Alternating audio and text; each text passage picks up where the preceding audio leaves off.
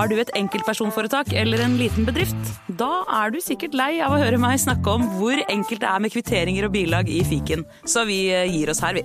Fordi vi liker enkelt. Fiken superenkelt regnskap. Nyt sommerferien på Prime. I'm here to show you a wonderful place. Had a rough week. Opplev spennende turer. Så kan dette bli veldig farlig. Finn sommerkjærligheten. You're like a Coachella. Hi. Hi. Se på Fallout, Furia eller The Idea of You. Okie dokie. Og gjør deg klar for en sommer full av eventyr. Bare på Prime. Krever abonnement på Prime Video. Hei, og takk for at du hører på denne podkasten. Bøddel er en eh, miniserie som tidligere har blitt publisert i Untold, men ut mai vil du få tilgang til denne samt en rekke andre miniserier og ukentlige episoder av Moderne Media sine podkaster.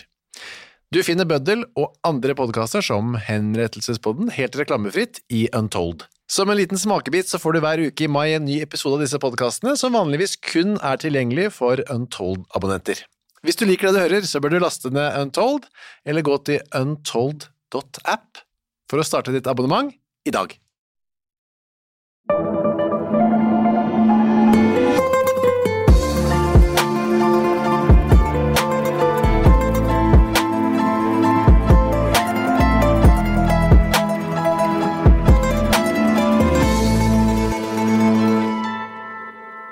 Hei og velkommen til en ny episode av Gangsterpodden. Mitt navn er også denne gang Jim Fosheim. Og mitt navn er eh, igjen Morten Galaasen. Ja. Nei, eh, hvordan går det, Morten? Du, det går bra. Ja. Um, Jeg gleder meg til å prate, om, eh, prate mer om han fyren vi skal prate om i dag. Det er ikke Ja. så veldig mange ukene siden vi ble kjent med en for første gang. Um, Men da som en bifigur. Ja, Nå skal vi lære om, eh, om hele livet, holdt jeg på å si. Og det, det er gøy. ja det er gøy. Og vi eh, får jo ganske mange av disse karakterene som dukker opp i eh, ja, diverse episoder. Ikke engang bare i Gangsterpodden, men vi har jo karakterer fra Historiepodden, Historiepodden andre verdenskrig, som også dukker opp i Gangsterpodden. Mm. Eh, og da er de bare Det er så mye ved dem når vi forteller dem som en bikarakter, at vi bare Disse her, de blir en egen episode. Ja, Og det lover vi jo ganske ofte i uh, egentlig alle podkastene vi har sammen. Uh, Og noen ganger skjer det, som i dag. Ja, uh, Og så må vi jo som vi alltid gjør, forklare hvor de tre forrige episodene ligger. For de ligger fremdeles i en app hvor du må betale for å høre de, og du betaler 69 kroner i måneden. Eh, hvis du ikke er 100% sikker på om det er noe for deg, så kan du teste de første 30 dagene helt gratis. Eh, og da, hvis du er sånn som meg, da, som har iPhone, så går du inn på um, Apple Store. Mm. Skriver du Untold, så kommer det opp en rosa app eller et ikon. Laster ned den, så tester du 30 dager. Eller så kan du gjøre som oss og bare klunke inn med kortet 12 måneder, så får du vel to måneder gratis. eller noe sånt. Ja, noe Jeg husker sånt. ikke akkurat hva det er, men les, les dere opp. Noe sånt. Ja, noe og sånt. hvis du er som meg og bruker eh, det såkalte Android-systemet, så gjør du det samme i Google Play Store. Eh, søker på Untold der inne, finner denne rosa på grensa til Magenta-appen. Ja. og hvis du ikke vil bruke sånne sjapper i det hele tatt, Ja. så kan du bruke nettleseren din. ja. Og det er faktisk Jeg tenkte, hvem gjør det? Mm. Men jeg har jo sett statistikken, og det er veldig mange som skriver www.untold.app. Ja. Og går inn der og fikser hele sulamitten. Um, Magenta, hva er det egentlig? Det er vel en eh, Altså, jeg kaller det jo en rosa. Eh, Jeg er ikke håper å si, eh, sofistikert nok til å kunne skilne mellom at dette er forskjellige farger. For meg så er magenta en type rosa, men jeg tror at den er litt dypere eller Ja. mørkere enn en, en sånn sjokkrosa. da. Ja, fordi Men nå er jeg på tynn is, altså. For jeg var med å velge denne magentaen. Ja, visst er det. Så det var masse sånne fancy, flinke folk som hadde masse forskjellige farger. Og så var jeg hva liker dere best, dere i moderne media? Og så var det jo egentlig veldig mange nyanser av rosa eller magenta som Ja. var det vi landet på. Og vi sitter jo nå i et eh, lilla rom, så jeg begynner Ja. å ane en og, og du har en sånn rødrosaaktig eh, piké på det også, så jeg begynner å ane en Magenta, eller? Nei, den er ikke magenta. Nei. Det kan jeg faktisk si. Med Men, perler på. Har du sett dette her? ja. Det er perler og skinnfiller på den, så den er ikke helt A4. Nei, det er noe som en gangster kunne gått med. Hey! Eh, veldig, veldig bra. Og i Untold så kan dere som da velger å, å teste 30 dager, eller som allerede betaler, eller som ønsker å betale for det, bare hør på hva dere finner. Mm. True Crime-podden, Skrekkpodden, Synderne, Henrettelsespodden, Historiepodden, Historiepodden andre verdenskrig, Gangsterpodden, Synderne, Diktatorpodden, Spionpodden. Ukrainas turbulente historie. Ja, og så Det er så mye podkaster som jeg ikke husker, men det er mye podkast! Altså, Utover det du ramser opp nå, så er det jo Ja. mange titalls andre. Ja, Og så har jo Kyrre Holm Johansen eh, sammen med Div andre lagd eh, enkeltstående eh, podkastepisoder her inne, som er veldig, veldig, veldig, veldig, veldig, bra. Eh, akkurat startet med de selv. Man blir hooked, så test det veldig gjerne. Tilbake da til eh, det vi skal prate om i eh, dag. Hvis du er en av de som bare trykker uten å lese tittelen på episoden, Mm. så vet du ikke dette her. Men hvis du er blant de som leser det, så er dette her noe du allerede er klar over. For vi skal prate om eh, da denne Ronny Biggs, som eh, vi har pratet om før. Ja, for han var jo en av ranerne som gjennomførte det som huskes som The Great Train Robbery. Og for en tittel! Ja, og til dere som ikke har fått med dere dette med Untold, at det kommer ukentlige episoder der, så er det jo antagelig den siste episoden dere hørte. Ja. Dere har gått glipp av noe i mellomtida. Altså. ja da. Men eh, i hvert fall, det var jo en hendelse som vi da prata om i eh, episoden som nettopp het da The Great Train Robbery. Akkurat som episoden eh, som utspilte seg på 60-tallet het. Ja. Og igjen, kanskje ganske mange mye bedre tittel på engelsk enn på norsk, for på norsk så ville Det store togranet. Ja, Det blir litt uh, mjukt. Det høres ut som noe som går på NRK Super. Ja, og det, det, Det er var jo ikke ikke. en sånn type historie. nei, nei, på ingen måte. Men uh, hvis man ikke har hørt den, så bør man virkelig gjøre det først, for det var tross alt snakk om et av de mest berykta ranene i britisk historie. Ja. Ikke minst ettersom eh, Ronny og de 15 andre som deltok i ranet Tenk deg 15, altså 16 med Ronny, da. Ja. Det er en ganske stor gjeng som eh, går sammen om en eh, ganske komplisert uh, operasjon her. Ja, altså, vi vi er ti stykker uh, ish som er ansatt i moderne media. Mm. Det å organisere ti pers her, og vi kjenner hverandre ganske godt, det er ikke lett. Nei. 15 personer med litt sånn ymse bakgrunner her, som skal Bare se, se dere for dette her på kontoret der dere jobber, eller arbeidsplassen. Det er ikke alltid ting er godt organisert Nei. på en arbeidsplass. Og hvis du jobber i kommunen, så vet du nok veldig godt hva jeg prater om. Ja, og ikke minst så på en arbeidsplass så gjør man jo ting som tåler dagens lys i offentligheten. Her skulle du jobbe litt sånn eh, uten at eh, myndigheter og utenforstående fikk det med seg. Og så skal alle holde, holde tett. Og det er ikke alltid like enkelt. Nei. Men eh, ekstra fascinerende blir det jo at Ronny og eh, ja, eh, andre som deltok i ranet, de kom seg unna med Ja, det det. som i dag tilsvarer 850 millioner spenn. Ka-ching! Det er meget. Ja, Selv delt på 16 så er det en god del. Ja, det er meget. Um, vi, altså sånn grovt, da. Ja, Pluss-minus en 50 50-lapp 50 inne på kontoen. Ja. Det er deilig. Uh, og vi kan jo legge til da, at det, det hadde seg nemlig slik da, at dette toget som ble da ranet, det, ranet, det var et posttog. Og det er jo veldig sånn westernete for meg. Og old school. Ja, og helt den veien man bør gå også når man først skal gjøre dette her. Og om bord på dette toget da, så ble det da fraktet eh, pengesekker fra forskjellige britiske banker. Hadde det vært amerikanske banker, så hadde det liksom vært fullkomment. Ja. Eh, Da hadde det vært virkelig western. Eh, Kanskje 100 år til tilbake i tid, men Ja. likevel. Eh, Men med det sagt så ble jo de fleste av ranerne med tiden eh, altså etter hvert spora opp og arrestert. Og som vi hørte mot slutten av episoden om The Great Train Robbery, eller Det store togranet, så var jo Ronny blant ranerne som ble tatt av politiet.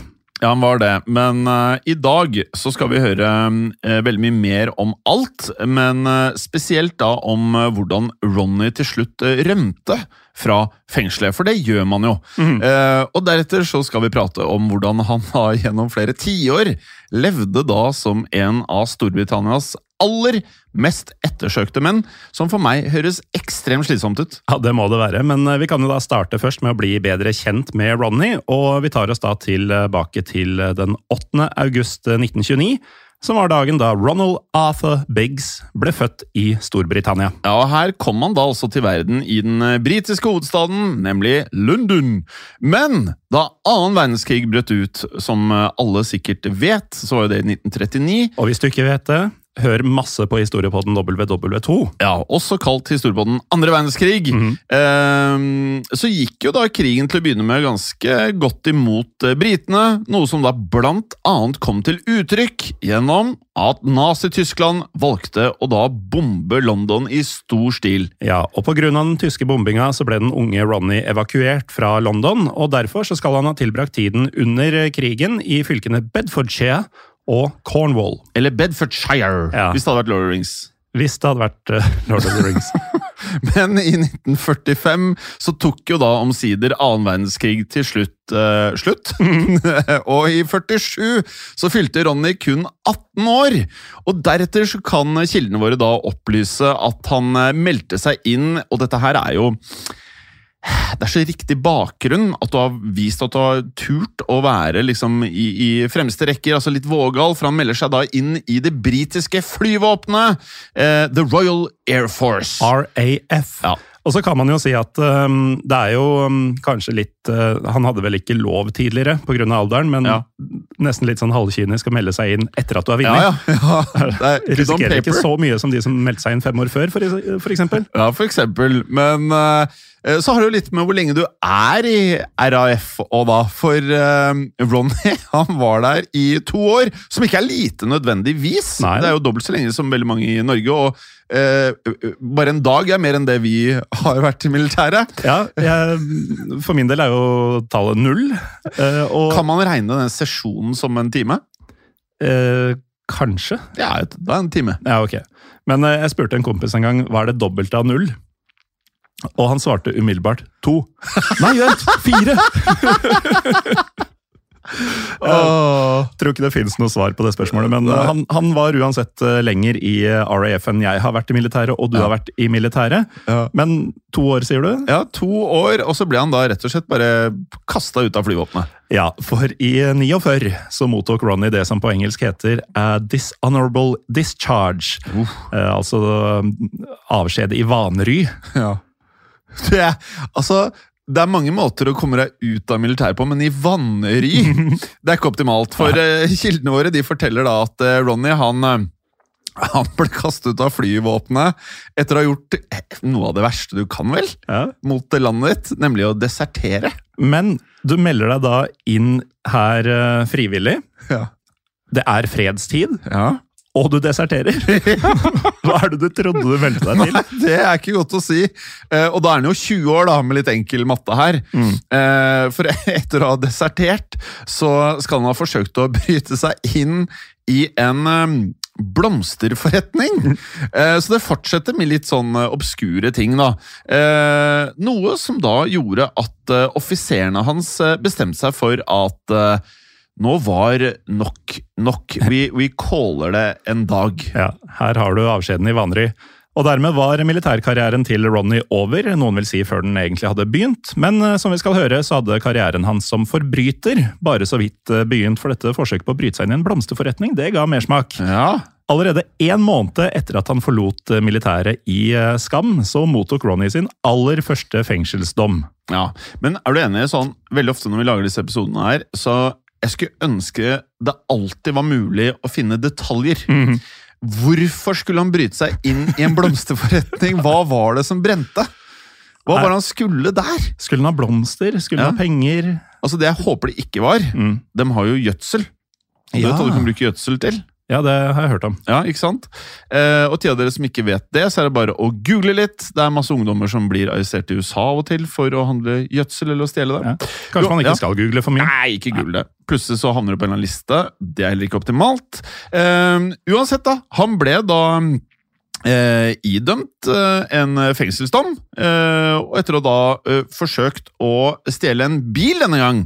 Ja, men her sier kildene eh, ikke spesielt mye om hverken hva slags type bil det var, som er veldig interessant, om det var en dårlig eller en bra bil, akkurat som med blomsterforretningen, og den sier heller ikke noe om hvor lang dommen faktisk var. Nei, men eh, når vi sier at eh, kildene forteller oss ikke det og det, så forteller de oss ofte noe annet. Og det kildene denne gangen forteller, er at Ronny eh, gikk tilbake til gamle synder da han ble løslatt. For eh, i løpet av tida etter løslatelsen så deltok Ronny i et mislykka ran. Og målet for dette ranet altså Han bygger seg oppover nå, fra blomsterforretning til biltyveri til å rane en lokal bookmaker i London. Ja, og da føler jeg, Nå beveger du deg inn til å faktisk være det vi kan definere som en gangster. Ja. Nå, nå, begynner det liksom å balle på seg her. Mm. Um, og dersom da noen av dere lyttere ikke vet hva en bookmaker er, så kan vi da fortelle at eh, det nå da dreier seg om uh, ren og skjær old school gamblingvirksomhet. Ja, I Norge så har vi jo en eh, statlig bookmaker i form av Norsk Tipping. Ja, som er eh, angivelig et monopol enn så lenge. Og her definerer da Store norske leksikon en bookmaker på følgende vis. En bookmaker er en profesjonell formidler av veddemål, blant annet ved hesteveddeløp og i fotball. Men er, vi vet jo at du kan jo bette på stort sett alt. I dag så er det jo kommet noe som heter Draft, DraftKings, så du kan faktisk bette på fantasy-laget ditt. Men eh, dessverre for Ronny så ble det en meget dårlig gevinst fra dette ransforsøket, for um, ifølge kildene så gikk dette ranet fullstendig i vasken. Og til slutt så endte det med at Ronny ble arrestert og fengsla på nytt. Men da Ronny sona straffen sin i London-fengselet Wandsworth, så stifta han det som ble et skjebnesvangert bekjentskap. Ja, for det var nemlig i løpet av dette fengselsoppholdet at Ronny ble kjent med en medfange som het Bruce Reynolds. Og dersom noen av dere lyttere da allerede har hørt episoden som vi da nevnte i starten, nemlig The Great Train Robbery, så vet jo alle dere at Bruce Reynolds han ble regna som da the mastermind bak togranet. Ja, Men likevel så var det først i 1963 at The Great Train Robbery fant sted. For um, i årene før dette så slapp uh, Ronny ut av fengsel igjen. Og da forstår vi det slik at uh, kan vel la lytterne gjette litt. da. Nå har han prøvd å bryte seg inn i en blomsterforretning, prøvd å stjele en bil, prøvd å rane en bookmaker. Hva finner han på nå? Han prøvde seg som snekker. Ja, og det er jo veldig random, da.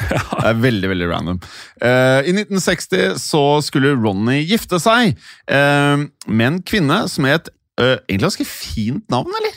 Vanskelig navn? Ja, eller denne her tror jeg bommer på mye, men denne her tror jeg klarer. Charmaine. Charmian. Charmaine. Charmian Brent. og her forteller kildene oss at eh, Charmian var datteren til en eh, barneskolerektor. Og I tillegg så vet vi at Ronny og Charmian etter hvert fikk tre sønner sammen. Eh, Disse guttene fikk navnet Michael, Chris og Farley. Og idet vi tar oss til 1963, så ønska Ronny å kjøpe et nytt hus til familien sin, og derfor trengte han jo penger til et boliglån. Ja, og det kan vi jo forstå, eller sympatisere med. Eh, men snart så snubla Ronny snart over eh, det han da følte var en av eh, ja, de største mulighetene så langt i livet. Eh, I løpet av våren eller sommeren 1963 så støtte nemlig Ronny på den gamle fengselskameraten sin, nemlig nevnte Bruce Reynolds. Og da Ronny møtte Bruce, så mm, var Bruce i ferd med å da sette sammen dette her ransteamet. Og hvis eh, folk har sett Oceans Eleven, er liksom sånn jeg ser for meg at eh, folk gikk til verks her. Jeg hadde akkurat tenkt å name-droppe Danny Ocean eh, før du begynte å si det nå. Eh, Men eh, Bruce han planla da å gjennomføre det som snart ble kjent som The Great Train Robbery. Men eh, siden vi allerede har laget en episode om det, så skal vi ikke gå for mye inn på detaljene rundt ranet her. I stedet så kan vi holde oss til rollen Ronny skulle spille i eh, det hele. Ja, og det var eh, faktisk ingen avgjørende rolle, for eh, det hadde seg nemlig slik at Bruce Reynolds først og fremst trengte å bli satt i kontakt med en bekjent av Ronny. Ja, og det hadde seg da igjen slik at Ronny han kjente da en togfører. Og det kan man jo forstå at man kanskje trenger når man skal rane et tog, som da kunne hjelpe med å kjøre toget som de skulle rane. Ja, Men eh, for å sette Bruce i kontakt med denne togføreren, så krevde Ronny å få bli med på ranet. Og Dermed så slutta Ronny Bigg seg til eh, Bruce Reynolds sitt eh, ransteam, og mm, den 8. august 1963 så slo ranerne til. Noe som for øvrig betyr at ranet det fant sted på mm, Ronnys egen 34-årsdag. Ja. Ja, det er en fin markering, det. Ja. Men selv om det da var eh, bursdagen til Ronny, så var han på ingen måte i rampelys under selve ranet. For um, vi nevnte jo det i The Great Train Robbery-episoden. Så var det sånn at eh, Ronny, han, eh, hans rolle var egentlig begrenset til å da skulle vente i en fluktbil, mens de andre ranerne da gjorde grovarbeidet. Ja, og da ranerne stoppa toget, så gikk det jo over all forventning. For på innsida av den ene vogna de tok seg inn i, så var det jo flust av eh, ja, fluss, eller pengesekker. Ja. Og etter å ha lastet over 100 sekker med dollars, eller eh, pound i dette tilfellet Stirling. Stø, pound sterling!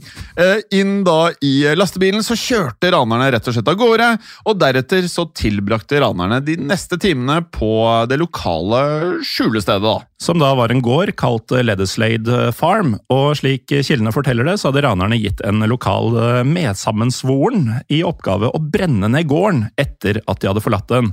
Men eh, dessverre for ranerne så gikk ikke det helt etter planen, uten at vi vet helt hvorfor eh, det ikke skjedde. Så den 12. august 1963 Fire dager etter ranet. ja, så var eh, Leather Slade Farm derfor intakt da politiet omsider fant gården. Og da snublet politiet over flere spor etter ranerne, som blant annet hadde etterlatt seg en haug av fingeravtrykk. Flere av ranerne hadde nemlig etterlatt eh, fingeravtrykk på et monopolspill. ja. Og I tillegg så ble noen av Ronnys eh, fingeravtrykk eh, funnet på en etterlatt tomatsausflaske. ja. Det er veldig spesifikke steder du finner disse fingre, fingeravtrykka på. Og det som er, når vi har gått til kildene våre, så på engelsk, på norsk, tomatsaus, så Mm. tenker vi kanskje på liksom det du har over en bolognese, eller et Mm. eller annet sånt. Men i England, og det er derfor jeg tror det kan bety uh, uh, egentlig ketchup, Ja. for de kaller det for tomato sauce. Mm. Ja. Ja, Det husker jeg så i en um, episode av et eller annet program Ja. eh, som handla om eh, den skotske spesialiteten fried Mars bar. Oh, Altså er fritert sjokolade. Ja. Og da ble programlederen tilbudt eh, tomato sauce, Ja. som viste seg å bare være ketsjup. Men vet du hva du også kan bli tilbudt? Eddik? Som brown sauce lots! Oh, ja. Og det er den Gravy, derre liksom? eh, Nei, det er HP-saus. Oh, ja. Ja, for eh, når du er på eh, restauranter i eh, i hvert fall Glasgow, så er det vanligere med brown sauce enn tomato sauce. Ja. Så du tar på, Og jeg har den vanen med meg til Norge, så jeg tar på brown sauce like mye egentlig som tomato sauce. ja. Og når du sier du har med den vanen, så er det jo fordi du studerte i nettopp Glasgow Ai. for Ai. mange herrens år siden. years! ja. Ja, men i hvert fall det var pga. denne tomatsausflaska, som kan ha vært en ketsjupflaske, at eh, politiet kom på sporet av eh, Ronny. ja, som på dette tidspunktet da var på frifot med sin andel av ransutbyttet. Og her forteller kildene oss eh, faktisk hvor stor Ronnys andel var. Og jeg nevnte at uh, litt eh, kvikk eh, hjernematte, pluss minus 50 millioner på hver av dem. Mm. Han hadde med seg 147 000 pund, som da med litt konvertering, inflasjonsjustering etc. tilsvarer noe sånt som 40 millioner kroner i dag. Ja, Og så er det jo ikke sikkert at de delte likt seg mellom heller. Ronny sin rolle var jo mindre enn mange andre, så Ja. kanskje hadde hans, han fått en litt mindre andel enn enkelte. Og alle, når vi, når vi prater i gangsterboden, så vanlige folk har en tendens til å skatte til stat og eller kommune. Mm. De gutta her skatter ikke. Så når vi prater om 40 mill., når du leser på kapitalsk eh, rikingliste at noen tjener 10 millioner kroner i året, så går eh, halvparten til eh, div greier. Mm. De gutta her, de tar med seg alt. Så du tror ikke at eh, Ronny Biggs eh, påfølgende mandag ringer eh, Futen og sier du, jeg har nettopp kommet over eh, 40 millioner kroner, og ja, eh, uten å gå nærmere inn på det, så tenkte jeg eh, ja, skatte litt tilbake til fellesskapet. Uansett, eh, Ronny fikk jo da med andre ord nok penger til å dekke dette boliglånet sitt, og mm, da Ronny vendte hjem til familien sin, så hadde han eh, med seg alle pengene sine i to bager. Ja, men siden politiet da hadde funnet disse fingeravtrykkene hans på denne angivelige ketchupflasken, så ble Ronny eh, veldig kvikt sporet opp, altså. Og det tok bare da tre uker etter togranet eh, til han da ble pågrepet et sted i London. Og idet vi tar oss til 1964, så hadde Ronny blitt dømt til 30 års fengsel for deltakelsen sin i ranet, noe som betyr at han skulle komme ut igjen eh, omtrent under Lillehammer-OL eller fotball-VM i USA. Um, hvis ting hadde gått etter planen, da. Men er du enig? 30 år for dette her. Mm. Det er sykt mye i forhold til veldig mye annet. Altså, folk som skyter folk og øh, gjør Altså, trafikkerer kvinner for... Det fins folk som har gjort verre og fått eh, lavere straff. Ja, altså Noen av straffene er sånn fem år for ting som er helt vanvittige. Han får Mm. 30 år for å lande tog, eller for å sitte i en bil og kjøre vekk med pengene. Ja. Men eh, han endte jo da i hvert fall opp med å skulle sone straffa si i det tidligere nevnte Wandsworth-fengselet. Ja, Som øh, var det samme fengselet der Ronny da i sin tid møtte nettopp Bruce Reynolds. Så full circle, egentlig. er sånn. Eh, Og denne gangen så skulle det da ikke ende med at eh, Ronny ble løslatt, for etter å ha sonet kun 15 måneder av straffen, så var Ronny klar til å gjennomføre det nevnte fluktforsøket. Ja, Den 8. juli 1965 så rømte nemlig Ronny fra fengselet, og her har vi funnet en eh, avisartikkel som ble publisert dagen etter at Ronny rømte. Denne artikkelen var på trykk i den britiske avisa The Guardian, og her følger et aldri så lite utdrag som vi har oversatt til norsk. Den 30-årige fengselsstraffen som Ronald Arthur Biggs som begynte å sone for 15 måneder siden, ble avbrutt i går ettermiddag da han fikk lov til å trene i luftegården i Wandsworth Prison. Sammen med tre andre fanger forsvant han over den seks meter høye muren, mens vaktene hans, hindret av menn som fortsatt var på trening, så hjelpeløst på. Det som slår meg her, Morten Hvis eh, man hadde funnet to av deg i fengselet, To av meg. ja, Mhm. og så stabla en oppå deg Da er vi oppe i 4 meter og 15. Ja, Fire-ti. 4-10, ja. Og så kommer han seg oppå han som er oppå deg. Mm. Lite byks da, så er det jo faktisk over. Ja, men så skal du også ned disse seks meterne på andre Jo, sida. jo, det er verre, men jeg tenker de burde i hvert fall ha 9-12 meter. Mm. Men uh, uansett, eh, før vi går videre, så kan vi jo introdusere disse tre fangene som rømte sammen med Ronny. Ifølge informasjonen vi har funnet, så dreide det seg om følgende gentleman. Den 27 år gamle Robert Anderson, som da sonet 12 år i eh, fengselet for å da rane et postkontor. Så har du 31-åringen Eric Flowers, som sona 12 år for å ha begått et væpnet ran. Og sist 27-åringen Patrick Doyle, som da sonet en straff på Og det er det her jeg ikke helt skjønner. da, Hvis du får fire år, hvorfor gidder du å surre til ting da? Do your time!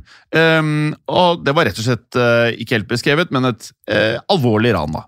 Ja, eller et mindre alvorlig ran enn de to andre medfangene. Ja, ja, det var det. Men eh, det er en gjeng med ranere da, som rømmer sammen. Og her eh, forstår vi det slik at Ronny og de tre medfangene hans de tok seg over denne fengselsmuren, ikke ved hjelp av å stable hverandre oppå hverandre, sånn som du eh, skisserte, men ved hjelp av noe så gammeldags som en taustige. Og det er, jeg føler jeg er veldig effektivt. Det vil jeg tro det er, for eh, så fort de hadde kommet seg over muren, så fikk eh, fangene hjelp til å komme seg raskt eh, av gårde. For på den andre siden av muren så sto det tre biler som venta på Ronny og de tre vennene hans. Så med andre ord så hadde rømlingene klart å skaffe seg hjelp fra venner på utsiden av eh, fengselet, og da de hoppa over muren, så landa de oppå taket til en av disse bilene. Og når man ser filmer, og så ser man sånne ting, og så tenker man sånn Yeah, right! Det, sånne ting har jo skjedd! Det er Ja. det som er så vanvittig. Ja, og så er vi tilbake på 60-tallet her. Sånn, Ja. Hvordan fikk de gitt disse beskjedene og planene ut forbi murene? Ja, det var papirlapper, eller Ja, det er jo helt vanvittig. Uh, og disse bilene, da, de ble kjørt av en uh, gruppe med uh, maskerte også. Beve tungt bevæpnede menn, noe som senere ble beskrevet av et øyevitne ved navn Mrs. Winifred Williams. Ja, I denne avisartikkelen som ble publisert dagen etter eh, flukten, så uttalte nemlig Winifred Williams eh, følgende Jeg hørte en motor gå, og jeg tenkte det må være bakeren som kommer. Jeg skyndte meg ut med håndvesken min. Jeg kom til døren og så den røde varebilen rygge. Jeg så en mann komme ut av varebilen. Han hadde et silkeskjerf over hodet som var bundet fast på toppen. Det så ut som en kokosnøtt. Ja, og videre kunne Winnerfred også fortelle det var en plattform på toppen av varebilen, og noe ble da kastet over muren fra plattformen. Det må ha vært stigen. Så la jeg merke til enda en mann med en eh, silkestrømpe over huet. Jeg la merke til at han hadde en rifle, og jeg tenkte det er nå jeg går inn igjen. Jeg skjønner Winifred godt. Ja. det. Det var ikke bakeren i det hele tatt. Ja, det Nei. er for lenge Nei, siden. ta med deg håndveska og kom deg inn. Ja. Og Samtidig som Winifred gikk inn i huset sitt igjen, så hoppa da Ronny og medfangene hans over muren. og Så fort de hadde satt seg inn i fluktbilen, så satte sjåføren gasspedalen i bånn. Ja, og med det så startet det som for vår mann skulle bli en flere tiår lang tilværelse på rømmen. Og hvordan disse tiårene utartet seg, det skal du få høre mer om etter en aldri så liten pause. Velkommen tilbake. Før pausen så prata vi om at eh, Ronny han rømte fra fengselet. Og da han havna på rømmen, så gjaldt det jo først og fremst å komme seg ut av eh, Storbritannia. Og det skjønner vi jo godt, Morten. Det er første bud. Ja, vi hadde gjort sikkert akkurat det samme. eh, og da konkluderte Rodney med at eh, det aller enkleste det var rett og slett å flykte via sjøveien. Ja, kanskje vi hadde tenkt så langt vi òg, jeg vet ikke. Ja, altså Du må nesten det når du bor på en øy og er ettersøkt, for da går du ikke inn på flyplassen med passet ditt. Nei, det er sant. Nå er det blitt noen tunneler, er det ikke? Det er sant. Ja, Kanskje litt Ja. tunnelveien, eller? Ja, kanskje det var Ja, det. Ja. Eh, og Derfor så um, gjorde han det enkelt. Han kasta seg om bord på et uh, lasteskip, og lasteskipet det skulle til Belgia. ja, Og der hadde Ronny selskap av Eric Flowers, som var en av de tre fangene som Ronny hadde rømt sammen med. Og etter at de hadde skjult seg på dette lasteskipet, så ankom Ronny og Eric omsider en by som har vært um, åsted for tidligere episoder også i denne podkasten, nemlig den belgiske havnebyen Antwerpen. Det er så kult navn. Det er en kul by også. Ja. Har du vært der, ja? Ja, Fryktelig mye diamanter, da. Så oh. ikke ta med kjæresten med mindre du skal presses litt. Oi. En liten shakedown. Eller hvis du er gangster, så kan du bli billig, eller du kan bli rik. Ja. Og så har du jo selvfølgelig er vel åpningsscenen på Snatch, Ja. hvor eh, de prater om What do I know about diamonds? Don't they come from Antwerp?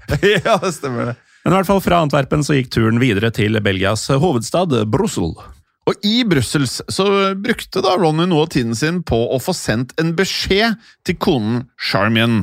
Og gjennom denne beskjeden så fikk Charmian vite at Ronny nå var veldig klar for å bli gjenforent eh, med henne i Frankrike, nærmere bestemt i selveste Barin.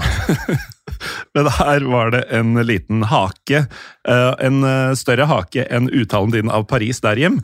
For i løpet av tida som eh, Ronny hadde sittet i fengsel, så hadde nemlig Charmian innleda en eh, affære med en annen mann. Åh, Og da hun fikk nyheten om at Ronny hadde rømt, så hadde Charmian rukket å bli gravid med denne andre mannens barn. dette høres ikke heldig ut. Det gjør ikke det. Nei. Og til tross for dette så bestemte Charmian seg for å reise til Paris.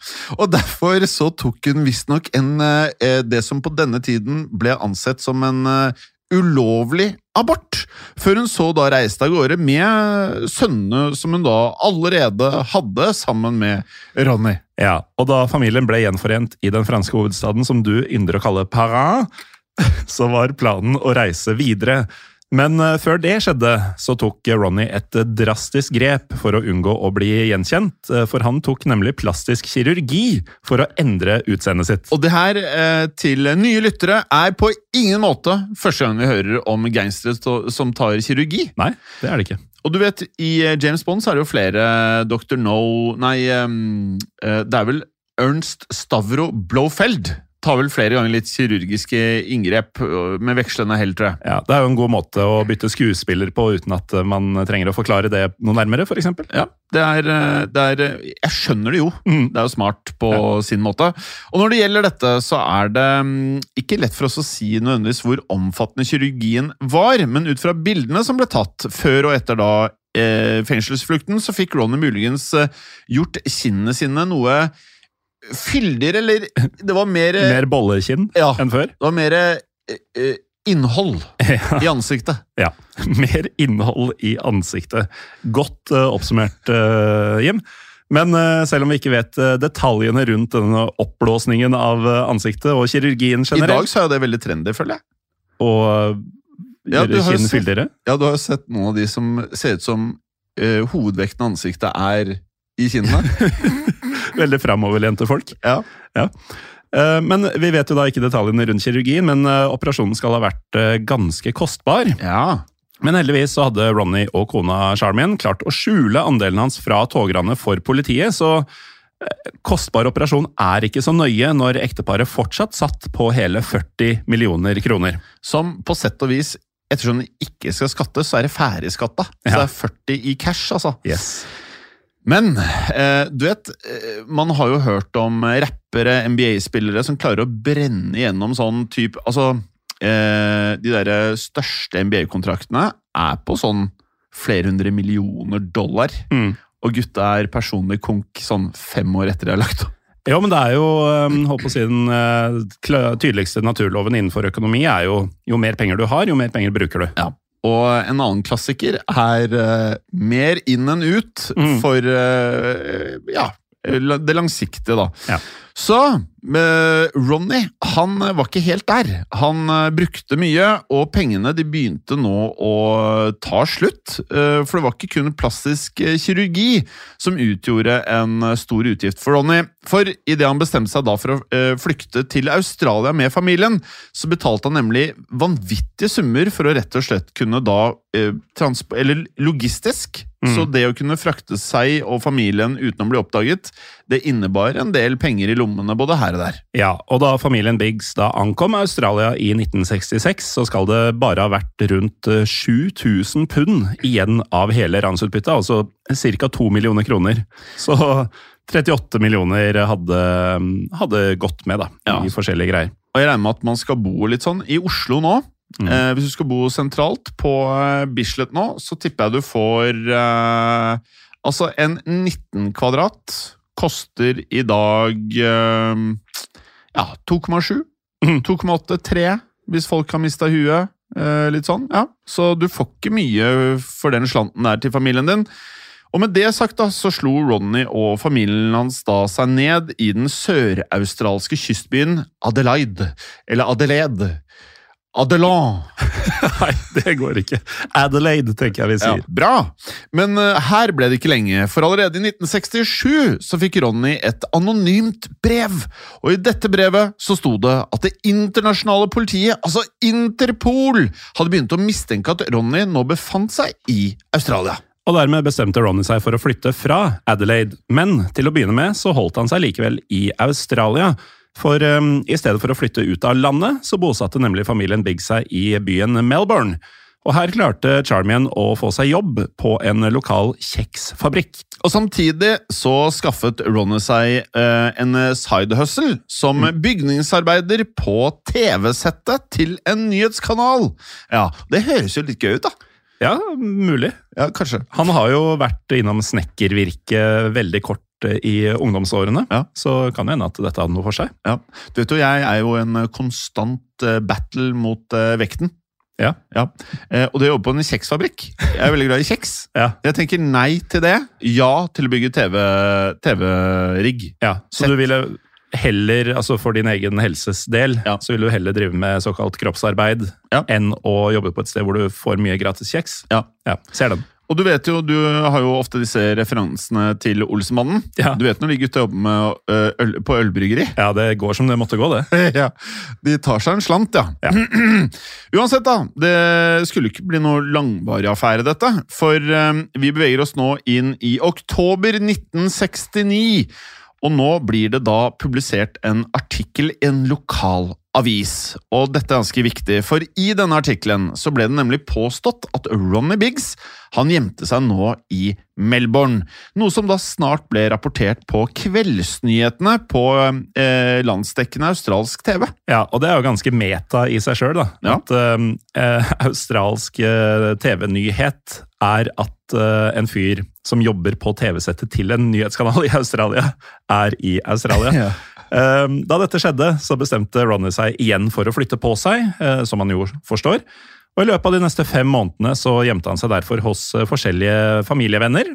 Og i 1970 så forlot Ronny Australia for godt. Ja, og det Ronny gjorde, det er noe jeg har tenkt på ofte når jeg ser sånne gangsterfilmer. Så hvorfor gjør man ikke det oftere? Mm. Eh, kanskje fordi den som eier passet, ikke er så gira på det, kanskje? Eh, for Ronny han låner da passet til en venn, altså en australsk venn. Og etter å ha gjort noen eh, små justeringer i dette passet, så fikk Ronny bestilt en lugar på et cruiseskip som da seilte ut av landet. Men eh, på dette tidspunktet så måtte da Ronny reise helt alene. Ja, for eh, inntil videre så ble nemlig kona Charmian og sønnene Michael, Chris og Farley igjen i Australia, og dermed ble avstanden mellom Ronny og resten av familien hans eh, den skulle bli meget stor snart. Ja, og etter 20 dager til sjøs så ankom cruiseskipet omsider landet Panama i Mellom-Amerika. Du er jo så bereist, Morten. Har du vært her? Nei, det Nei. er litt for langt sør til um, Altså for mine erfaringer så langt. Nettopp. nettopp. Og herfra så reiste da Ronny videre med fly til Brasilien. Har du vært der, da? Nei, det er enda lenger sør, det. Nei. Eh, altså, du har ikke vært liksom i krem de la crème? Altså. Nei, jeg har ikke vært på den sørlige halvkule, Nei, nettopp. så jeg, jeg må rett og slett skjerpe meg. Jeg må følge litt i Ronny Biggs sine fotspor, tenker jeg. Ja, Hadde du tatt denne ruta her, så hadde du kommet deg gjennom hele indrefileten her. Ehm, og han bosatte seg da i en by man gjerne kan forstå at man velger, nemlig Rio de Janeiro. Ja, det forstår man veldig godt, og i løpet av de neste årene så begynte Ronny å leve et mer avslappa liv i Brasil. Noe som visstnok resulterte i at Ronny, som jo da var milevis, eh, bokstavelig talt, unna familien, han innleda minst én utenomekteskapelig affære. Men når kildene sier minst Ja. Det har jo Han er Ja. i Rio her, Ja, altså. han er i Rio, vet du. Ja. Og han, eh, ja. Men har ikke mye penger, da. Nei. Nei. Eh, Men uansett, eh, word travels fast. For um, idet vi hopper til 1974, så fikk eh, kona Charmian faktisk nyss i at Ronny han venta et nytt barn i er, Brasil. like, nå er de like gode, da. Ja. Det skal gå begge veier, da. Ja, det gjør det, men eh, det var ikke sånn Charmian så det. Fordi Nei. da hun fikk vite dette, så gikk det ikke lang tid før skilsmissen var et eh, faktum. Nettopp. Men dessverre for Ronny Morten, så fikk den britiske pressen også nytt i at han eh, da befant seg i Rio. De britiske journalistene fant også ut at Ronnys elskerinne var en brasiliansk nattklubbdanserinne ved navn Raimunda de Castro. Og hun var da også moren til Ronnys nylig fødte sønn Michael. Og da kan man jo spørre seg om Ronny hadde en liten baktanke her. Ja, for det hadde seg nemlig slik at eh, datidens brasilianske lover de tilsa at eh, ingen foreldre av et brasiliansk barn kunne utleveres til et annet land. Og derfor så kunne ikke den britiske regjeringa kreve at Brasil pågrep Ronny Biggs. Og med det så kunne jo nå eh, Ronny mer eller mindre leve på en måte bekymringsfritt i Brasil. Noe som da kom eh, til uttrykk gjennom Ronnys forkjærlighet for musikk i sjangeren jazz.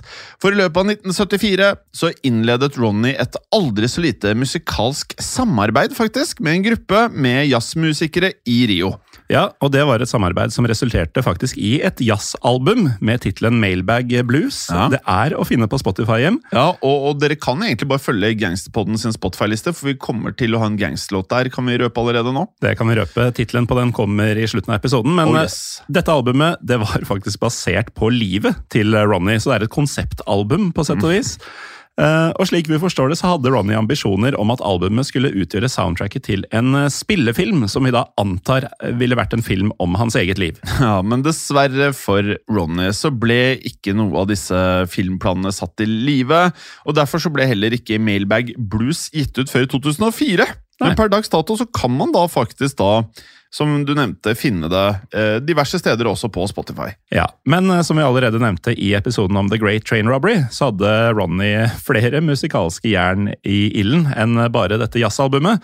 For i 1978 så ble han nemlig spurt om å spille en mindre rolle i en eh, film som het The Great Rock'n'Roll Swindle. Det var en eh, såkalt mockumentary. Vet du hva det er, eh, Jim? Ja, Er det en eh, dokumentar som gjør liksom litt harselas? Ja, altså En film som utgir seg for å være en dokumentar, Ja, på en måte. Sånn Ja. tulledokumentar. Uh, The Great Rock'n'Roll Swindle det var da en såkalt mockumentary om det britiske punkbandet Sex Pistols. Ja, og gjennom sin deltakelse da som skjedde fra hjemmet hans i Brasil, så bidro Ronny med vokal på soundtracket til dokumentaren. Blant annet på låten No One Is Innocent, som også da tilfeldigvis var ukens gangsterlåt i episoden om The Great Train Robbery. Ja, Så hvis du vil høre Ronny Biggs synge, synge, så kan du gå til den nevnte spillelista. Det er ikke verst. Det er ikke verst, det. altså. Han, han har gjort mye, han. Ja. Og når han ikke bidro som gjestevokalist, så levde Ronny da åpenlyst i Rio, men pga.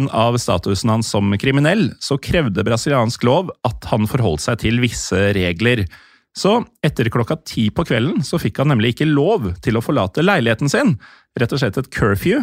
Og slik vi forstår det, så kunne han verken jobbe eller, eh, kanskje enda verre, besøke barer.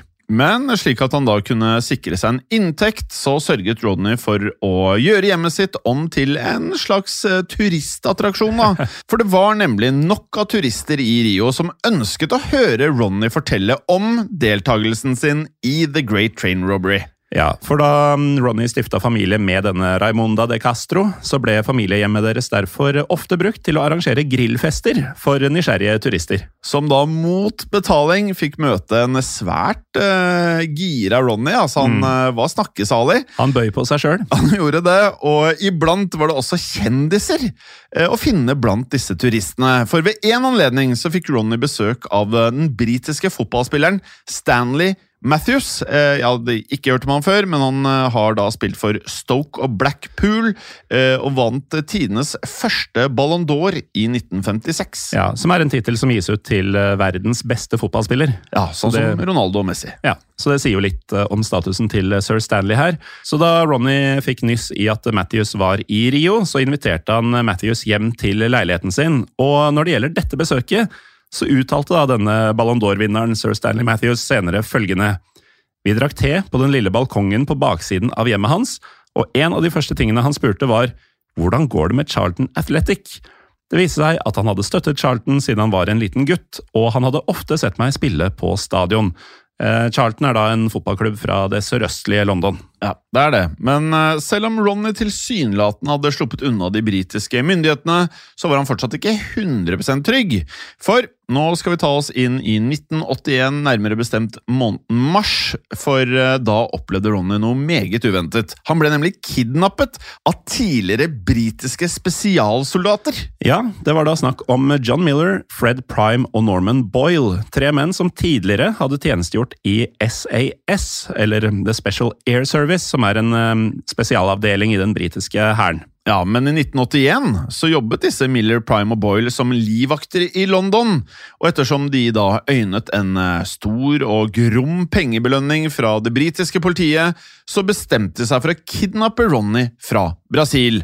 Men eh, det å få da Ronny tilbake til Storbritannia, det er ikke, det er ikke enkelt. Nei, men likevel så klarte kidnapperne da å fange Ronny mens han spiste ved en restaurant i Rio, og um, ifølge informasjonen som vi har funnet, så ble Ronny først satt ut av spill med pepperspray.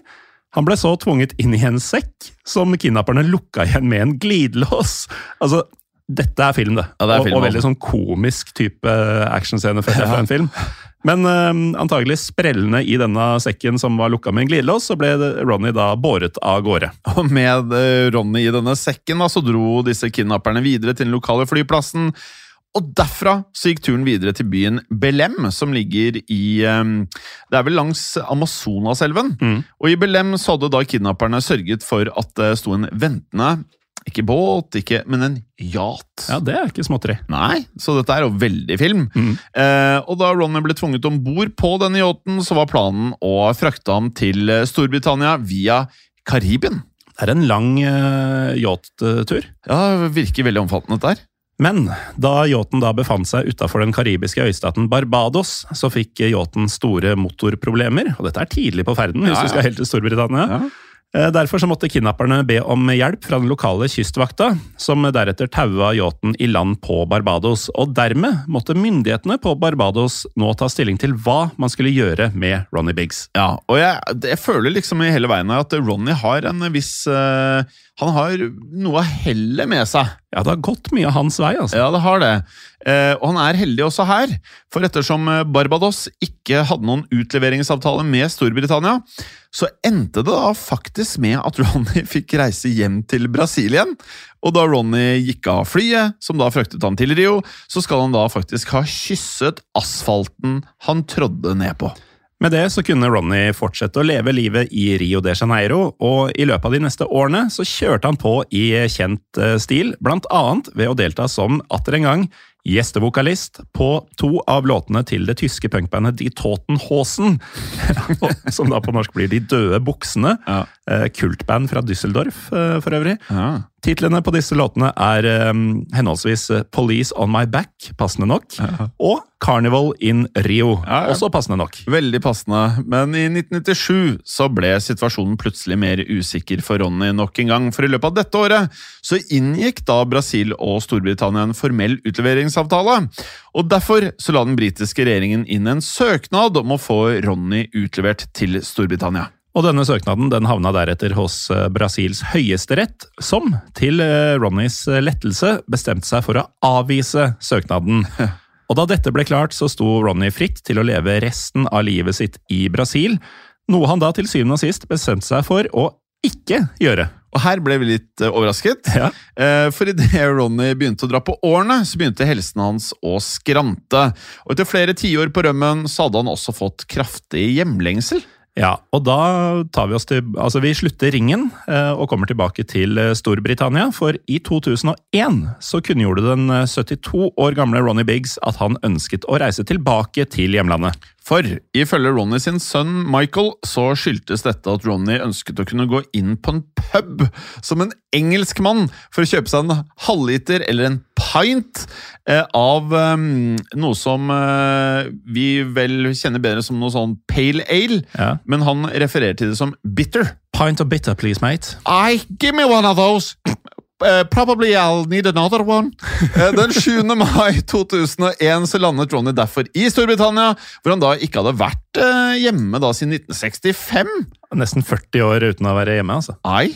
Eh, og da Ronny landa, så ble han eh, som forventa pågrepet av det britiske politiet, og deretter så havna han bak murene i London-fengselet, et nytt et denne gangen, Ja. Belmarsh. Ja, og da Ronnys eh, helse stadig ble dårligere, så ble han med tiden flyttet til Norwich Prison i byen Norwich, selvfølgelig. Og her eh, var nemlig da soningsforholdene å anse som mildere, i hvert fall.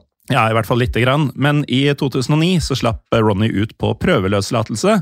Noe som gjorde at han fikk tilbringe de siste årene av livet utafor fengselsmurene. For um, i takt med at helsa fortsatt stadig ble verre, så var det klart at Ronny han hadde ikke lenge igjen. Den 18. desember 2013 så gikk Ronald Arthur Biggs omsider bort i en alder av 84 år. Og da han døde, så bodde Ronny på et eldrehjem i London.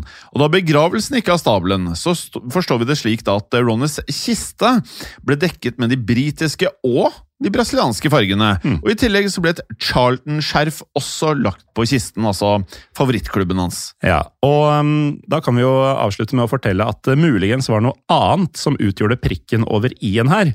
For da Ronnys kiste ble sendt av gårde for å bli kremert, så ble kista frakta med en hestevogn. Og denne vogna den fikk sin egen æresvakt i form av en rekke britiske medlemmer av Hells Angels, altså MC-klubben. ja.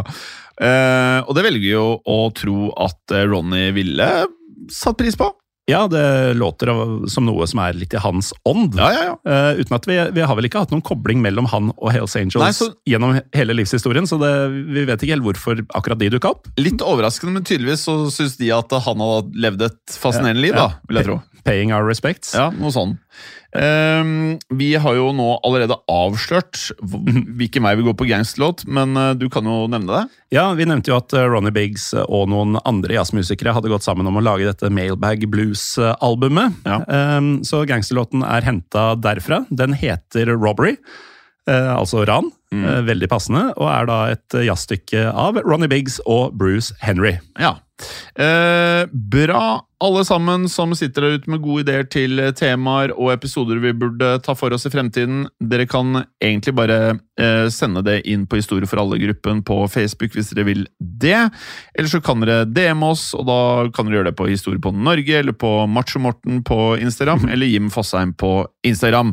Igjen, hvis dere ønsker å gjøre alle episodene av Gangsterpodden eller andre podkaster i moderne media, så kan dere laste ned appen Untold, enten i eh, det jeg bruker, da, som er Apple Store, Eller det jeg bruker, som er Google Play Store. eller så kan du være en av de som er veldig opptatt av å gå inn på www.untold.app, eh, og så kan du høre på oss der også. Eh, Morten, Mm. ikke sov med fisken, er du snill. Men eh, hold det gangster. Ha det bra. Ha det.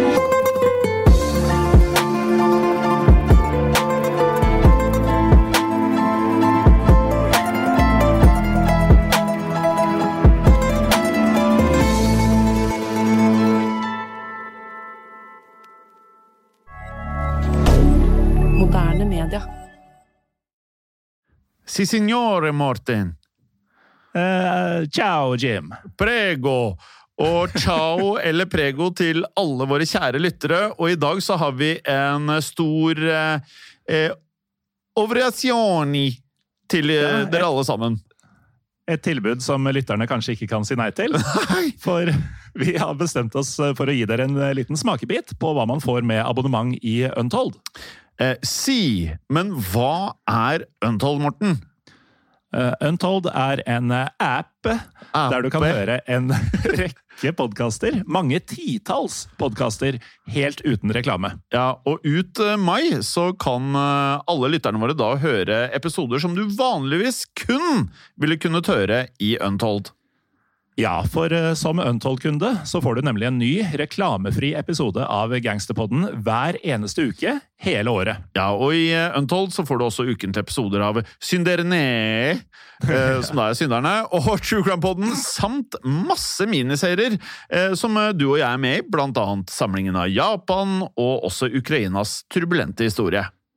Ja, og så får man jo også tilgang til Historiepodden, og der vil man kunne høre episoden om torgslaget i Kristiania i forbindelse med 17. mai. Og den bør alle få med seg. Ja, Og det tenker du er spesielt relevant, for vi er i mai måned, da, eller? Det er nettopp det, vet du. Si. Og er det sånn at du som nå hører på, sitter igjen og tenker at du ønsker å høre en ny episode av Gangsterpodden hver eneste uke? Da er jo dette her veldig enkelt, for da er Untold løsningen for deg.